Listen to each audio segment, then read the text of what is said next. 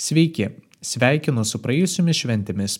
Aš Povilas Petručionis, Orange Securities analitikas, šioje rinkų espreso apžvalgoje aptarsiu, kaip šiuos metus užbaigė ir kokius rekordus fiksavo pagrindiniai akcijų indeksai, esminius makroekonominius rodiklius bei naujienas susijusias su Kinijos žaidimų industrijos reguliavimu.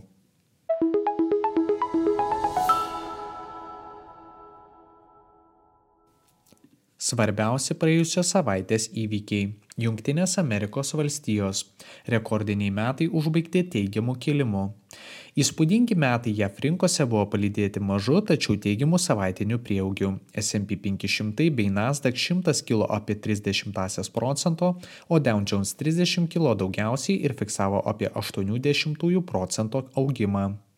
2023 metai užbaigti rekordiškai. Nasdaq 100 pasiekė visų laikų kainos aukštumas ir fiksavo šeštą didžiausią augimą nuo 1971 metų. S&P 500 taip pat priartėjo prie visų laikų aukščiausios kainos, kuri yra nutolusi vos per pusę procento. JAV indeksai kilo 9 savaitę iš eilės bei fiksavo ilgiausią nenutraukiamą augimo seriją nuo 2004 metų. Tarpušvenčių nebuvo sulaukta svarbių makroekonominių duomenų. Regioniniai rezultatai žymėjo kiek prastesnį gamybos sektoriaus bei verslo aktyvumą. Patvirtinimų laukiančių namų pardavimų kiekis nesikeitė ir nepateisino analitikų 1 procento augimo lūkesčių. Galiausiai savaitinis bedarbystės paraiškų kiekis netikėtai išaugo iki 218 tūkstančių. Šią savaitę įspūdingą augimą demonstravo teigiamų naujienų dėl investicijų Izraelyje sulaukusi Intel Corporation, kuri augo apie 4,7 procento. Praščiau metus pabaigė Airbnb ir Tesla, kurie krito apie kelis procentus. Trečiadienį vykusime JAV išdo obligacijų aukcione buvo sulaukta aukštos paklausos, o pajamingumai šią savaitę toliau mažėjo. Europa spekulacijos dėl palūkanų normos mažinimo ir tikėtinas infliacijos atšokimas. Europos akcijų indeksai taip pat sviravo nedaug ir fiksavo mišrius rezultatus. DAX kilo apie 30 procento, o CAC 40 smoko apie 30 procento.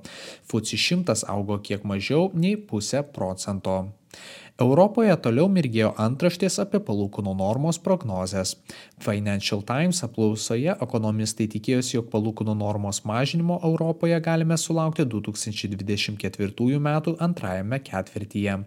Tuo pačiu dauguma respondentų tikisi, jog infliacija pasieks 2 procentų lygį dar šiais metais, nepaisant Europos centrinio banko projekcijos, kurioje spėjama, jog 2 procentų lygis bus pasiektas tik 2026 metais. Preliminari infliacija Ispanijoje siekia 3,1 procento ir buvo mažesnė nei tikėjosi ekonomistai, tai yra 3,3 procentų. Europoje tikimas infliacijos atšokimo ir prognozuojama, jog artėjančią savaitę pasirodysiantis kainų lygio indekso duomenys žymės metinį infliacijos augimą nuo 2,4 iki 3 procentų lygio. Tuo tarpu Junktinėje karalystėje vartotojų kainų indekso augimas išlieka aukštesnis ir Anglijos centrinio banko pareigūnai teigia, teigė, jog galime tikėtis, kad infliacija 2024 m. pirmojo ketvirčio pabaigoje bus kiek mažesnė nei 4 procentai. Tarpušvenčių atšokimą pratėsi Bayer ir Merck įmonių akcijų kainos, kurios per savaitę kilo iki 3 procentų. Junktinėje karalystėje augimą tęsė Barclays ir HSBC bankai, kurie fiksavo kiek didesnį nei 1 procento kilimą. Azija - sušvelnėjęs Kinijos pareigūnų tonas dėl žaidimų industrijos reguliavimo. Kinija savo naujųjų metų dar turės palaukti, bet vietos akcijų indeksai šovė it ferverkų salvės. Hongkongo Hang Seng augo net 4,33 procento, o CSI 300 kilo net 2,81 procento. Japonijos Niki 225 taip pat kilo apie 90 procento. Japonijos indeksai šie metai taip pat buvo ypač sėkmingi. Užfiksuotas apie 28 procentų kilimas, kuris yra aukščiausias nuo 2013 metų. Tuo tarpu Hang Seng indeksas metus pabaigė su beveik 14 procentų nuosmukiu. Japonijoje makroekonominiai duomenys neturėjo pernelyg didelės įtakos akcijų rinkos svyravimams. Nedarbo lygis išliko 2,5 procento, o industrinė produkcija krito pirmą kartą per 3 mėnesius, tačiau mažiau nei tikėtasi. Galiausiai mažmeniniai pardavimai per metus augo 5,3 procento ir žymėjo stiprų šalies vartojimą. Kinijos pareigūnai išleido naują pranešimą susijusi su užpraeitą savaitę pasirodžiusiais žaidimų kuriejų industrijos ribojimais, kuris žymėjo švelnesnį šalies institucijų toną industrijos reguliavimo atžvilgiu. Rinkos sureagavo teigiamai ir didieji vardai šiek tiek atšoko. Tencent per savaitę kilo kiek daugiau nei 7 procentus. Gamybos pirkimo vadybininkų indeksas siekia 49 punktus ir nepateisino ekonomistų lūkesčių, kurie tikėjosi augimo iki 49,5 punktų lygio. Sekančiais metais tikimasi, jog Kinijos ekonomikos augimas sulėtės nuo 5,2 procentų iki 4,6 procentų dėl sudėtingos nekilnojimo turto sektoriaus padėties bei augančių defliacijos grėsmių. Japonijoje po nesėkmingos praeitos savaitės beveik 3 procentus kilo automobilių gamintojas Toyota.